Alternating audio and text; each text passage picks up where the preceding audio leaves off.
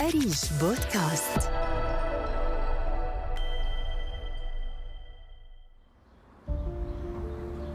الزراعة السطحية بتعطي ناحية إيجابية للحياة. أنت لو كنت مستاء وقعدت بحديقة تتحسن نفسيتك.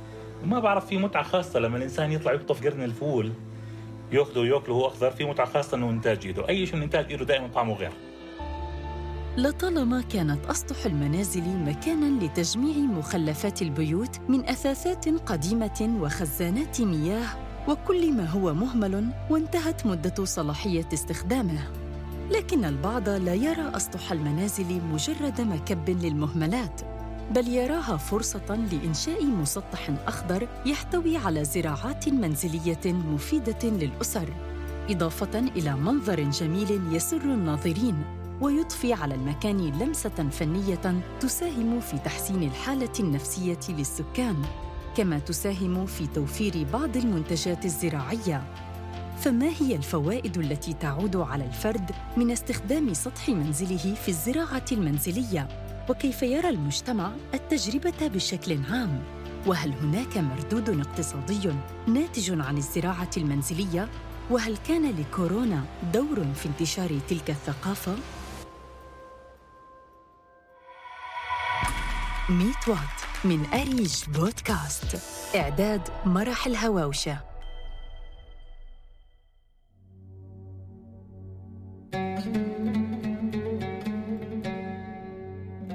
مع دخول الأردنيين حظر كورونا عانى معظم أفراد المجتمع من فراغ كبير أصابهم بالملل. لكن البعض تغلب على هذا الملل باستغلال فائض الوقت بصورة إيجابية. هربا من نمط الحياة الرتيب الذي فرض عليهم. فقاموا بالاستفادة من أسطح منازلهم بزراعتها ضمن هؤلاء زكريا الحياري فذهبنا إليه ليحكي لنا عن تجربته مع الزراعة المنزلية متى بدأت وما هي نتائجها المباشرة عليه وعلى أسرته. من ذكرياتي مع رحمة والدي لما كنت أشوفه بزرع.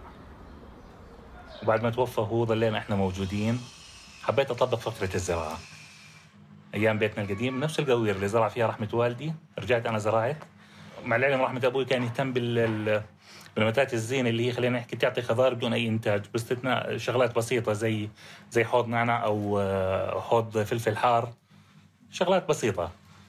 أنا عمقت الموضوع أكثر. زدت عدد القواوير. آه، زرعت بندورة الشيري البندورة المقزمة. زرعت آه، كوسة زرعت آه، خيار آه، زرعت بموسم الشتاء زرعت فول أخضر. والفول الأخضر أعطى إنتاج كثير قوي بالعلب بالرغم أنه من جوا القوارير بسيطة جوار بسيط إلا أنه أعطى إنتاج مخيف. يعني خلينا نحكي بمعدل كيلو الحب أنتج تقريبا 30 كيلو أخضر. بذكر سنتين كنت أكل من مونة إيدي ما اشتريت فول أخضر نهائيا من السوق.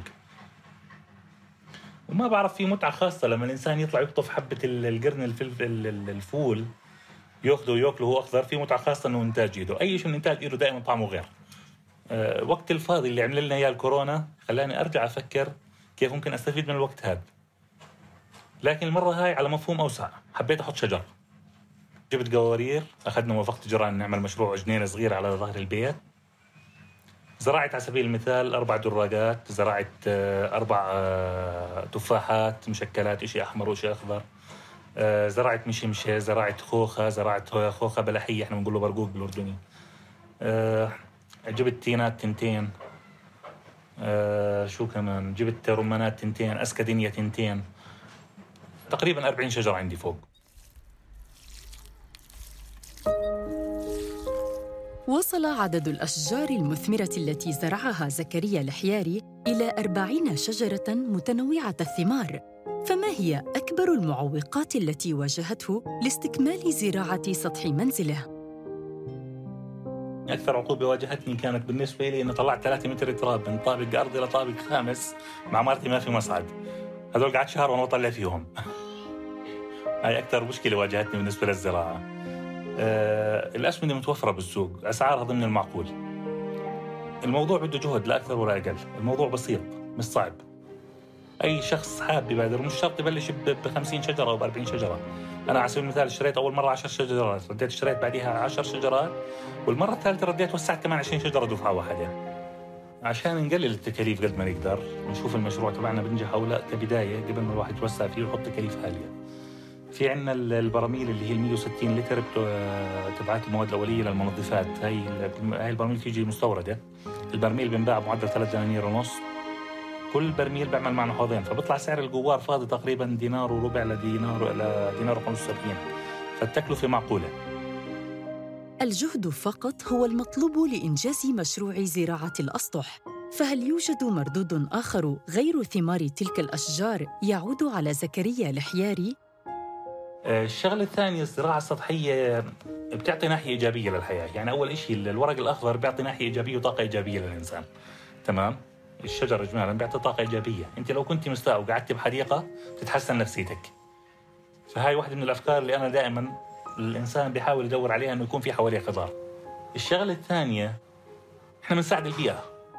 إحنا زي ما البيئة بتعطينا أكسجين صافي عشان نتنفسه ونعيش من خلاله. تمام؟ بنفس الوقت إحنا لازم نساعد البيئة. طالما أنا عندي مساحة متوفرة لازم أستغلها.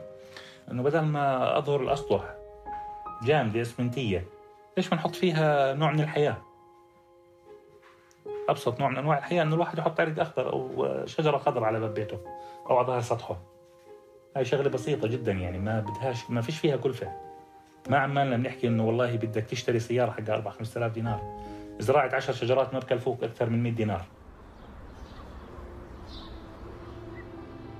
لم تتوقف أهداف الحيار عند الناتج المباشر لأشجاره المثمرة بل انتقلت إلى الرغبة في دعم البيئة من خلال المسطح الأخضر الذي يحسن جودة البيئة المحيطة. فما هي أهمية الزراعة المنزلية من وجهة نظر المتخصصين؟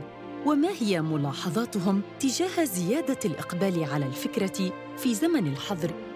تقابلنا مع المهندسة الزراعية ميس الكردي وطرحنا عليها سؤالنا. الإقبال على الزراعة خلال فترة الكورونا وما بعدها آه، صار بازدياد لأنه بهاي الفترة خصوصا فترة الحظر كل الناس ما كان في عندها أي إشي تعمله اتجهت لموضوع الزراعة إنه نظبط بلكونتنا نظبط الأرض العيلة كلها موجودة في البيت الأطفال بيحبوا يشاركوا بالزراعة حفر التراب وخصوصا كانت مع بداية فترة الربيع يعني مع بداية الشغل في الحديقة. فكل حدا كان عنده حديقة عنده بلكون عنده نباتات بلش يشتغل فيها. يعني مش ضروري إنه أنا يكون عندي أرض عشان أزرع. بقدر أزرع ببلكونة بقدر أزرع بأواوير بسيطة بأشياء كتير صغيرة بقدر أشتل نباتاتي. يعني هلا مثلا صار في أواوير بتتعلق على الحماية في أواوير بتتعلق على الحيط هلا أنا بقدر أزرع مثلا شجرة ليمون مقزمة في بيتي وحوالين الليمونة طبعا إحنا بنكون زارعينها في أوار كبير. حوالين الليمونة أنا ممكن أزرع مثلا بقدونس ممكن أزرع نعناع ممكن أزرع كزبرة ممكن أزرع جرجير. آه مثلا أنا ممكن آه أشتل النبتات وأستغل كل المخلفات الموجودة عندي في البيت. مثلا ممكن الطبق البيض أنا أعبيه تراب بيتموس واحط فيه مثلا بعض بذور البندورة أو اشتال البندوره إذا أنا شريتها شتلة أو إذا بذر أو بعض بذور الفلفل الحلو وأعمل عندي تشتيل وبعد هيك أزرعها باواوير صغيرة. فلازم نستغل كل هاي المساحات نزرع ورود بحدي ببلكونتنا أو حديقتنا نعلم أولادنا إنه في إشي اسمه زراعة آه، منزلية كثير حلوة. وممكن كمان أعلم أولادي إنهم يزرعوا الأزهار والورود. يعني بزرع أشياء أنا بستفيد منها. أفكار كثيرة يمكن للمواطن العادي الاستفادة منها في ممارسة الزراعة المنزلية إذا أعاد النظر في مخلفات البيت لينتج ثمارا إضافة إلى زراعة الزهور والورود. بحثنا عن بعض المواطنين الذين شاركوا التجربة لنسمع آراءهم. بلشت الاهتمام بالزراعة وقت فترة كورونا. آه، كان الحظر الشامل تقريبا شهرين فاضطريت إني بدي إشي مفيد أشغل نفسي وعائلتي فيه وبنفس الوقت يعطي طاقة إيجابية للبيت ويكون مفيد لإلهم. أي إشي بشد اهتمامي لو باخذ من وقتي نص ساعة في اليوم أنا بعتبره هذا إشي جيد لأنه أنا عندي شغلي فيه ضغوطات كثير. فبحس براحة يعني من عملية إني مثلا أنظف عليهم العناية بشكل عام. يعني كانت تسحب خلينا نحكي الطاقة السلبية اللي في الواحد شوية. إذا كان تعبان حتى كان يشتغل حتى لو إنه عنده تعب يعني. فكان التعب هذا اللي هو تعب العناية بالنباتات تحول لطاقه إيجابية يعني ويسحب كل النيجاتيف اللي بالبني آدم. أنا بحب نزرع بالبيت لأنه بناكل منها وبتعطي ريحة حلوة ولون جميل. يعني هو أول ما تدخل على مكان ويكون في نباتات ويكون في خضار ومثلا لو كان النباتات هاي عطرية يعني مثلا زي الريحان المنزل وهيك هذا الإشي بحد ذاته يعني بعطي شعور بالراحة. الشغلة الثانية إنه مجرد يعني أنت بتربي نباتات بالبيت فإنه أنت عندك مسؤولية تجاههم فهذا الإشي يعني بعطي نوعا ما شعور بالإنجاز بيكون يعني شعور كثير لطيف أطلق المختصون على ظاهرة الزراعة المنزلية اسم الثورة الزراعية الجديدة بسبب إسهاماتها في زيادة الإنتاج المحلي من النباتات والخضروات، فضلاً عن تأثيرها البيئي والصحي. وعلى الرغم من الظروف الاستثنائية التي مرت بها المملكة مع جائحة كورونا، فقد حرص بعض المواطنين على التواصل مع وزارة الزراعة وطلب أشتال لأصناف متعددة من الخضر لزراعتها في صناديق خشبية أو بلاستيكية على أسطح المنازل أو في الشرفات مما يؤشر إلى انتشار الوعي الزراعي بين الأردنيين.